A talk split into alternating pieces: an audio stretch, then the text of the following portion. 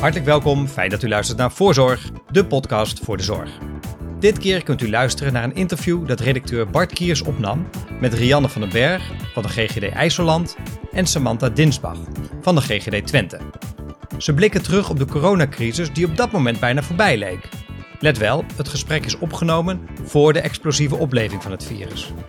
Andere belangrijke onderwerpen die aan de orde komen zijn de bestuurlijke verantwoordelijkheid van de GGD's bij infectiebestrijding en de inzet op gezondheid en preventie.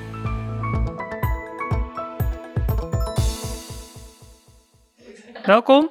Welkom Rianne, welkom Samantha. Uh, het vaccinatieprogramma loopt nu als een trein en de coronacrisis lijkt uh, op zijn einde. Uh, tijd om terug te blikken. Als je, als je nou even terugkijkt naar het begin. Um, hoe begon de coronacrisis voor jullie? Nou, ik kan het me eerlijk gezegd nog levendig herinneren, alhoewel het toch wel anderhalf jaar geleden alweer is. Ongelooflijk uh, snel gegaan deze periode. Ja, ik weet nog dat in januari ik het gesprek had met mijn uh, team infectieziektebestrijding over een virus wat in uh, China geconstateerd was. En wat we eigenlijk allemaal wel heel bijzonder vonden, maar waarvan we toch nog zelf dachten van nou, of het ook echt in Nederland terechtkomt, dat moeten we nog zien. Dat was voor mij eigenlijk de allereerste start. En uh, nou, nog niet lang daarna, in februari volgens mij, werd de eerste besmetting in Nederland, in uh, Brabant, geconstateerd. Ik weet nog goed, de minister kreeg een papiertje oh, in die ja. televisieuitzending onder zijn uh, ja. neus gedouwd. En de eerste besmetting in Brabant was het geval. En toen dachten wij in deze regio, nou, dat is, dat is even afwachten voordat hier de eerste, maar het komt wel. Dat, dat wisten we op dat moment wel. En ik weet ook nog goed dat in Twente de eerste besmetting, nou, en, en ja, er was toen ook nog dat als er mensen getest werden, dan wisten wij dat ook, dat de eerste mensen getest werden op corona. Maar toen moest ik uh, bellen met een, uh, met een burgemeester. U heeft uh, uw, de eerste besmetting in deze regio in uw gemeente. Dat was het begin. En daarna volgden er nog vele. Ja, kan je niet meer voorstellen dat je toen die eerste nog echt zo individueel belde. En wanneer moesten jullie vol aan, aan de bak als GGD'en? Nou, eigenlijk nog geen twee maanden later was het echt vol aan de bak. Ik denk dat dat zo'n beetje begin maart geweest is. Al heel snel zijn we eigenlijk in onze organisatie als uh, crisisorganisatie gaan, uh, gaan werken. En dat betekende dat we gelijk zijn gaan kijken hoe kunnen we zoveel mogelijk mensen buiten het team infectieziektebestrijding eigenlijk betrekken bij uh, de bestrijding van corona. En we zijn mensen gaan vrijmaken die normaal gesproken andere taken doen. We zijn in de veiligheidsregio heel nauw gaan samenwerken in een soort crisisstructuur. Dus ja, eigenlijk waren we vol aan de bak, volgens mij zo begin half maart. En die teststraten die kwamen pas later, want in het begin gingen wij bij iedereen thuis op bezoek. Hadden we testteams die de hele dag op pad waren met een autootje om mensen thuis te testen uh, op, uh, op corona. Ik denk dat we eind mei pas zijn begonnen met het uh, ontwikkelen van de teststraten zodat we dat, zoals we dat nu kennen. Ja. Mm -hmm. En, maar de tweede en de derde golf, die waren hier heftiger dan de eerste, meen ik. Hè? Met name in Twente. Daar waren de besmettingen heel hoog. Ja, dat klopt. Hoe kan dat? Ja, in Twente hebben we uh, um, uh, maandenlang in nummer 1, 2 van Nederland gestaan qua besmettingen. En de meest gestelde vraag aan mij is ook hoe komt dat? Heb je -hmm. daar een verklaring voor? En um, nou, we weten dat in Twente de sociale verbanden uh, uh, goed zijn. Uh, er is nobberschap. En tegelijkertijd, ik weet niet hoe jij, volgens mij zijn er ook zat gemeenten in IJsseland die ook dat hele sterke sociale verbinden, verbindingen hebben. En toch was het in IJsseland stukken minder. Ja, het heeft heel erg verschild ook bij ons. Ik weet wel dat in de eerste golf is er ook echt één gemeente bij ons, Zwarte Waterland, die gewoon heel zwaar getroffen is geweest. En dat geldt eigenlijk ook wel voor de tweede en de derde golf. Dat we ook wel zagen dat sommige gemeentes, inderdaad, ook gemeentes vaak waar nou juist die sociale binding tussen mensen zo, uh, zo goed is. Ja, dat daar inderdaad het aantal besmettingen en het aantal getroffenen veel groter was dan in andere gemeentes.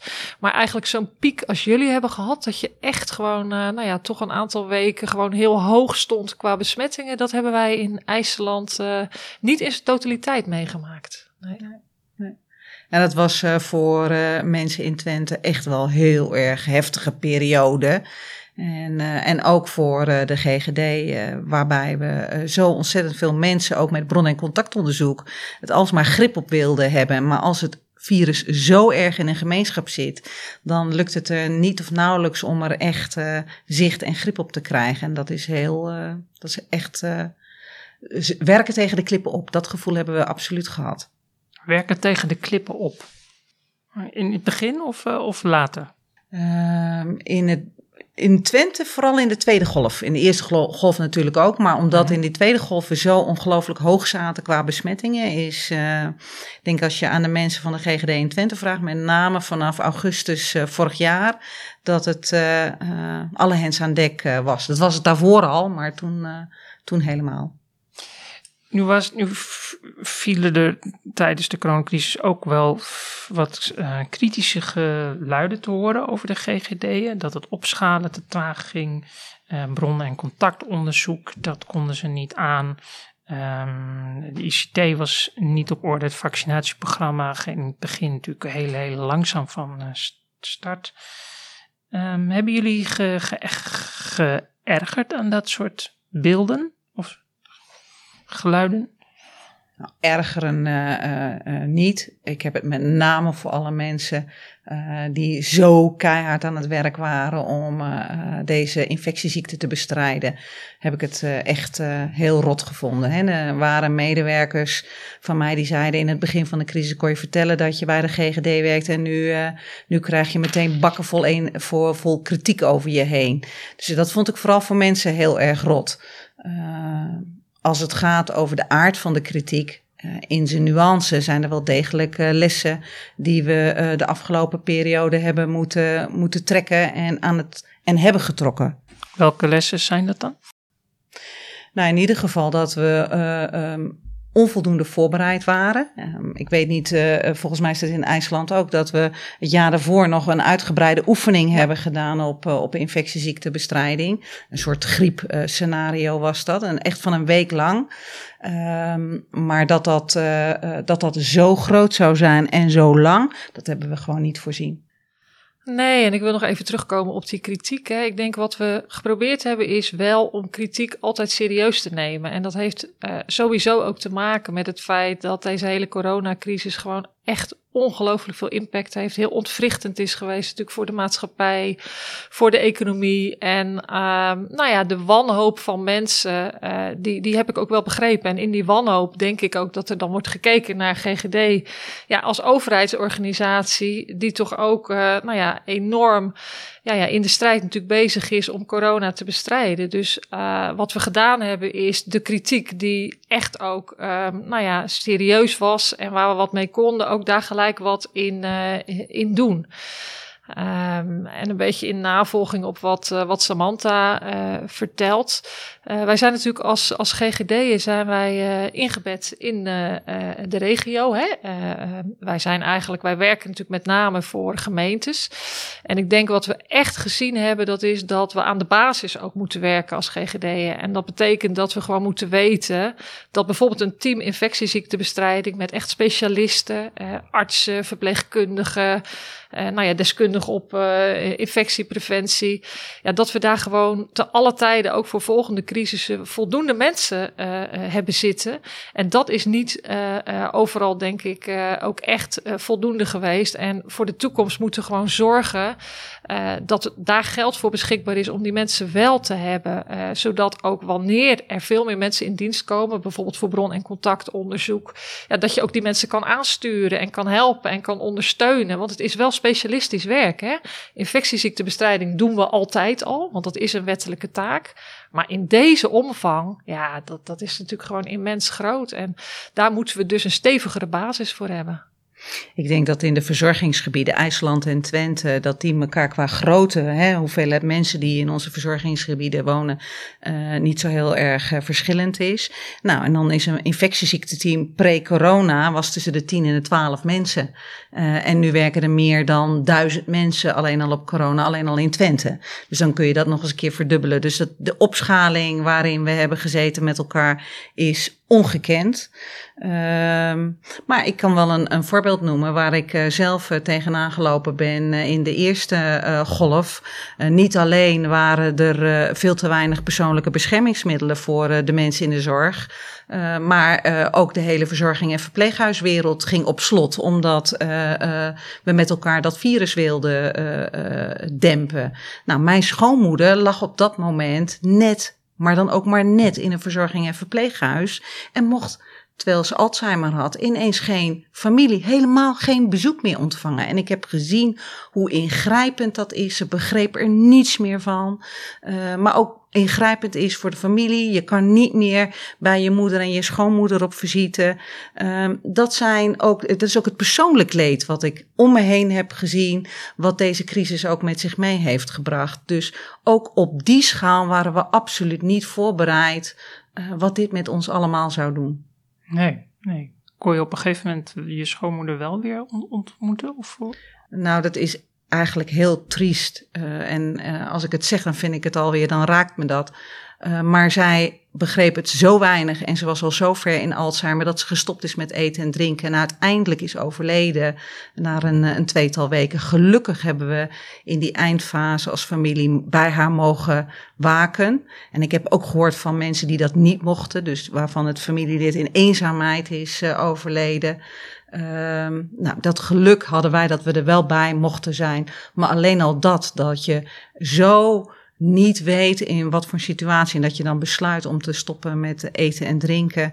Ja, dat, ik, ik, ik, ik, vind dat, uh, ik vind dat heel heftig. En eh, dan is dit een persoonlijk voorbeeld, maar ik heb het ook in mijn omgeving gehoord. Mensen die thuis waren, die geen bezoek meer konden ontvangen, die aan het wegpieteren waren. En die het dan nog wel begrepen, maar toch. Uh, ik geloof niet dat we als mensen ook zijn uh, gemaakt om eens afstand te moeten houden uh, tot uh, ja, alle mensen die ons lief zijn. Het elkaar niet zomaar even kunnen knuffelen. Alleen al het elkaar geen hand meer kunnen geven. Dat is zoiets eenvoudigs. Maar hoe, hoe ingrijpend dat kan zijn in je zijn.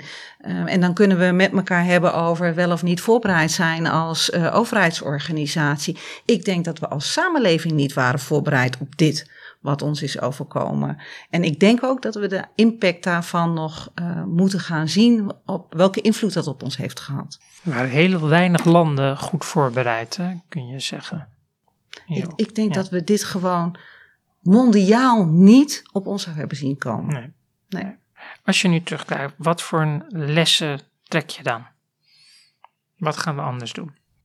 Nou ja, ik denk dat we heel veel uh, lessen kunnen trekken. Uh, het begint denk ik met die crisisorganisatie waar we al het nodige over gezegd hebben. Waar we voor moeten zorgen is dat we gewoon regionaal een sterkere basis hebben. En dat er landelijk gewoon een heldere rolverdeling is. En dat er ook een, ja, een, een, een coördinatiemechanisme is, landelijk, van waaruit de aansturing richting ook de 25 GGD'en plaatsvindt. Dat is de meest voor de hand liggende. Maar er zijn ook nog zoveel andere lessen. Uh, de les over samenwerking. Uh, ik vond samenwerking al heel belangrijk, want ik geloof echt enorm in samenwerking. Zeker als je het hebt over dit soort grote vraagstukken. Maar ik ben er alleen nog maar in bevestigd dat we ook naar de toekomst toe ja, echt moeten investeren in uh, nou, samenwerking met de zorgketen. Hè. We hebben bijvoorbeeld heel veel samengewerkt met de ziekenhuizen, de verzorg- en verpleegtehuizen. Maar ook bijvoorbeeld met het onderwijs. Dus ook een van de, nou ik weet niet of het lessen is, maar wel voor mezelf heel belangrijk is van investeer in samenwerking. Want op het moment dat je het, nou ja, ik noem het altijd maar in de koude fase goed hebt met elkaar, dan in de warme fase weet je elkaar ook te vinden. Dat heeft deze crisis ook, uh, ook laten zien.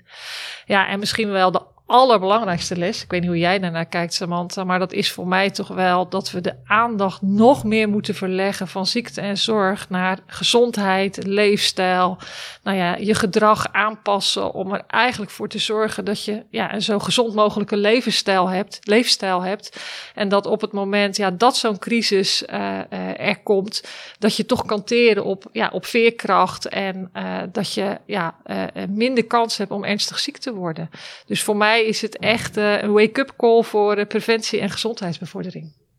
Als we iets weten nu, als deze crisis ons iets leert, is dat gezondheid niet vanzelfsprekend is. Voor de mensen die dat nog dachten, uh, nee, dat is niet zo. Maar ook dat um, uh, gezondheid, ook dat je daar heel veel aan kan doen. Om uh, die, die weerstand, die gezondheid beter te Wat heb jij daaraan gedaan, bijvoorbeeld, zelf? Nou, ik ben de afgelopen periode nog meer gaan bewegen, bijvoorbeeld. Dus um, um, voor de coronacrisis uh, had ik dat steeds wel uh, hoog in het vaandel staan. Maar bewegen is een van de belangrijkste uh, ja, zaken die je zelf in de hand kan hebben. Het helpt heel erg. Ik ben niet de enige, maar ik heb sinds kort een pup. Dus ik ben ook weer heel veel met de hond aan het wandelen. Maar in dat soort kleine dingen kan het al zitten om gewoon veel meer te gaan bewegen. En jij, wat heb jij? Uh... ja, die wedervraag had ik natuurlijk verwacht. Ja, voor mij is het eigenlijk precies datzelfde. Ik woon nog niet zo heel erg lang in de omgeving van, uh, van de postbank. En ik heb die omgeving echt ontdekt gewoon uh, de laatste periode. Omdat ik ook bij mezelf merkte, ik heb het zo nodig. er is ontzettend veel op ons afgekomen als directeur van de GGD ik heb heel erg hard gewerkt, werk nog steeds heel erg hard. En dan, uh, nou ja, een, een heerlijk frisse wandeling in de natuur. En uh, nou, het liefst alleen, dat, dat, dat, dat helpt mij er wel doorheen. Dus ik ben ook veel meer gaan bewegen. Eh, daar wil ik zo op verder gaan. Ik wil eventjes naar die positie van gemeentes en GGD'en. Want als je dus. Um, um, moet je, is het niet beter als het geld van de landelijke overheid komt in plaats van gemeente. Want gemeentes hebben de laatste uh, twaalf jaar, misschien wel langer, steeds bezuinigd op, uh, op, op, op, op GGD. Er ligt al zoveel op hun uh, bordje. Dan moeten ze kiezen steeds tussen een nieuw voetbalveld of lantaarnpalen, zeg me vaak, of preventie. Is het niet beter als dat gewoon landelijk gefinancierd wordt, die preventie. Landelijk wordt het al gefinancierd. Hè? De gemeenten krijgen geld in het gemeentefonds, alleen het is niet geoormerkt. En ik denk dat daar uh, de kern ligt uh, van het vraagstuk. Oormerken dus. Uh, het oormerken van het geld. Want het wordt al via het land natuurlijk in de gemeentelijke, in de gemeentefondsen gestort. Um, en ik wil hem wel iets breder trekken dan lantaarnpalen versus preventie. Want de opgave in het sociaal domein waar gemeenten. En dat, dan breek ik toch even de lans voor die, al die wethouders en burgemeesters die dagdagelijks enorm lastige keuzes moeten maken om het uh, gefinancierd te krijgen. Een voorbeeld is natuurlijk ook uh, rondom de jeugdzorg waar enorme tekorten op, uh, op waren. En dan zijn het hele lastige keuzes die gemeenten hebben moeten maken. Um, dus ik zou uh, pleiten voor uh, geoormerkte middelen in het uh, gemeentefonds. Om daarmee de publieke gezondheid en de gezondheidsbescherming te verstevigen. Meens? Ja, ik ben het daar helemaal mee eens. Um, ik merk overigens ook dat ik daar hele goede gesprekken over kan voeren met mijn bestuur. En uh, nou, dat ik eigenlijk op dit moment ook helemaal geen gesprekken heb over van nou, hoe belangrijk is nu gezondheid eigenlijk.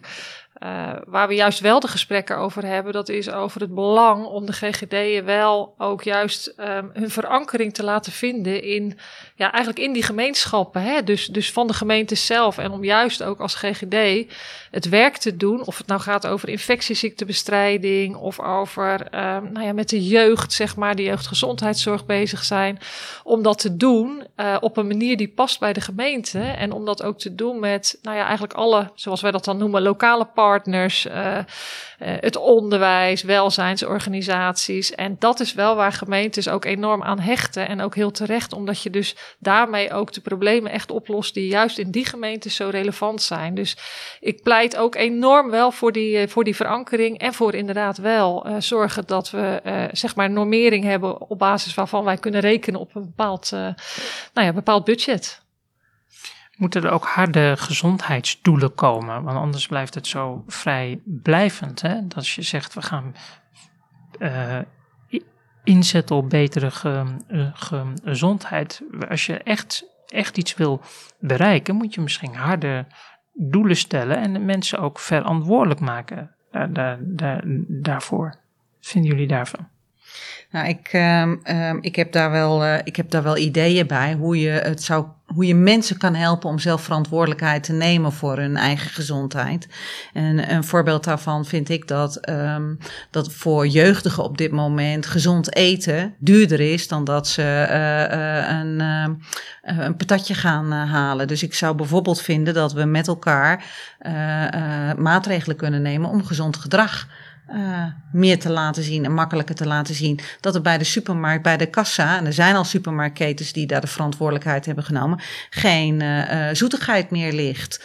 Um, dus dat soort maatregelen om voor mensen makkelijke verantwoordelijkheid te nemen om gezond te, leven, daar hebben we uh, wel nog heel veel winst in te halen.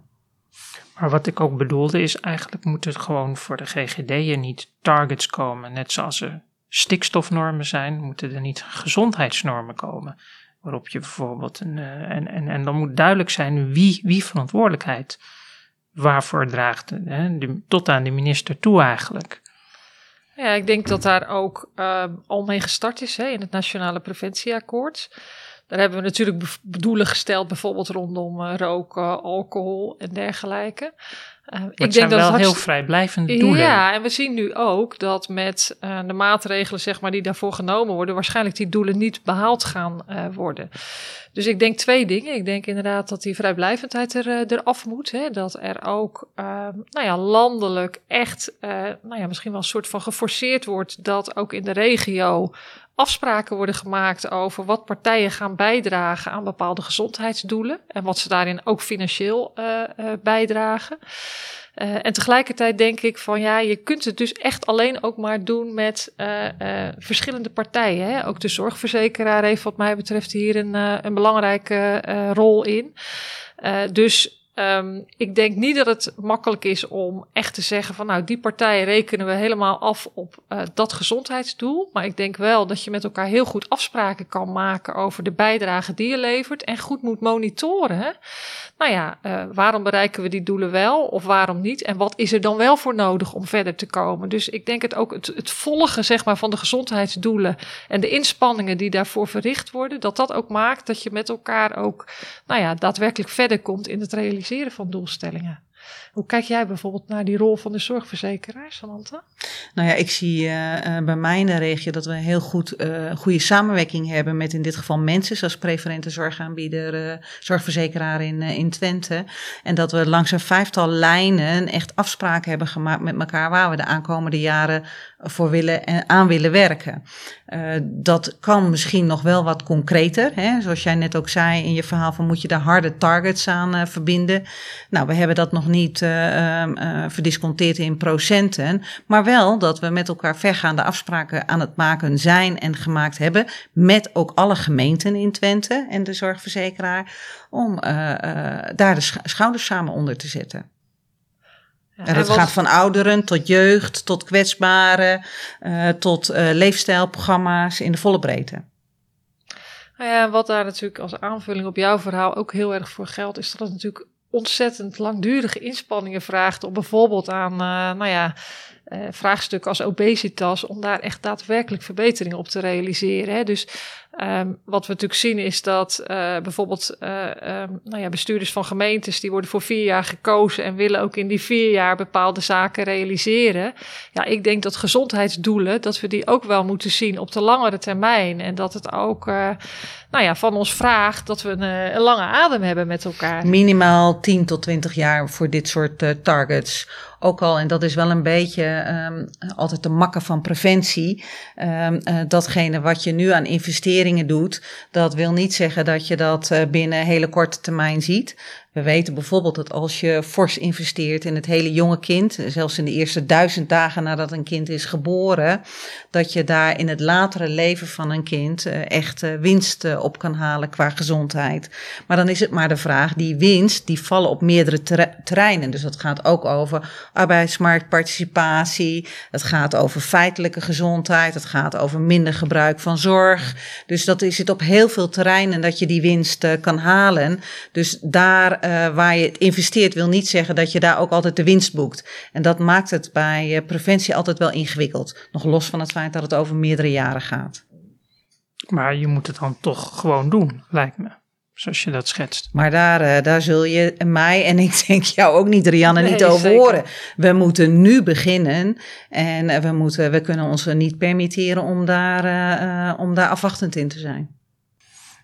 Tot laatst, uh, tot slot, um, heb je nog een laatste boodschap voor een nieuwe minister? Heel veel boodschappen voor de nieuwe minister. Um, ik denk de belangrijkste voor mij is wel om gezondheid uh, centraal te zetten. En om echt het accent te verleggen, uh, waarbij ik denk in dit verhaal helder is geworden dat we daar als nou ja, partijen, als GGD, nou, als vele partijen die net genoemd zijn, ook een hele belangrijke verantwoordelijkheid in hebben. Maar dat we ook vooral uh, ervoor moeten zorgen dat we uh, mensen zelf bewust maken van het feit hoe zij zelf ook kunnen werken aan hun eigen gezondheid. Hè? Dus ook door nou ja, vragen te stellen, door te luisteren, door met mensen in gesprek te gaan over wat is nou voor jou belangrijk en welke stap kan jij nemen om gezond gedrag te vertonen. Dat we dat ook vooral doen. Hè? Want ja, als samenleving zijn we natuurlijk gezamenlijk verantwoordelijk als professionals, maar ook uh, denk ik als, uh, nou ja, als, als, als eigen persoon. Dus mijn pleidooi aan uh, de nieuwe ministers is vooral om inderdaad te werken aan gezondheidsbevordering. Maar moet hij een suikertax invoeren dan? Ja, ik zeg ja. Laat hij dat maar gewoon doen. Laten we elkaar ook maar een beetje uitdagen. En ik zou eigenlijk nog een stapje verder willen gaan dan wat jij zegt, Rianne. Ik zou het niet alleen aan de minister willen vragen, het hele kabinet. Dus in ieder uh, beleidskeuze die gemaakt wordt, moet nagedacht worden over de impact voor gezondheid. Um, uh, dus wat mij betreft uh, zou de oproep naar het hele kabinet moeten en niet alleen naar, naar één minister. Ik teken mee. Ik ook. Dank jullie wel. Tot zover deze aflevering. Via een podcast-app kunt u zich abonneren op Voorzorg. Ook als u zich inschrijft op de nieuwsbrieven van Skipper en Zorgvisie, blijft u op de hoogte van nieuwe afleveringen en ontvangt u het laatste nieuws uit de zorg in uw mailbox. Namens de volledige redactie dank ik u hartelijk voor het luisteren en zeg ik heel graag tot de volgende Voorzorg.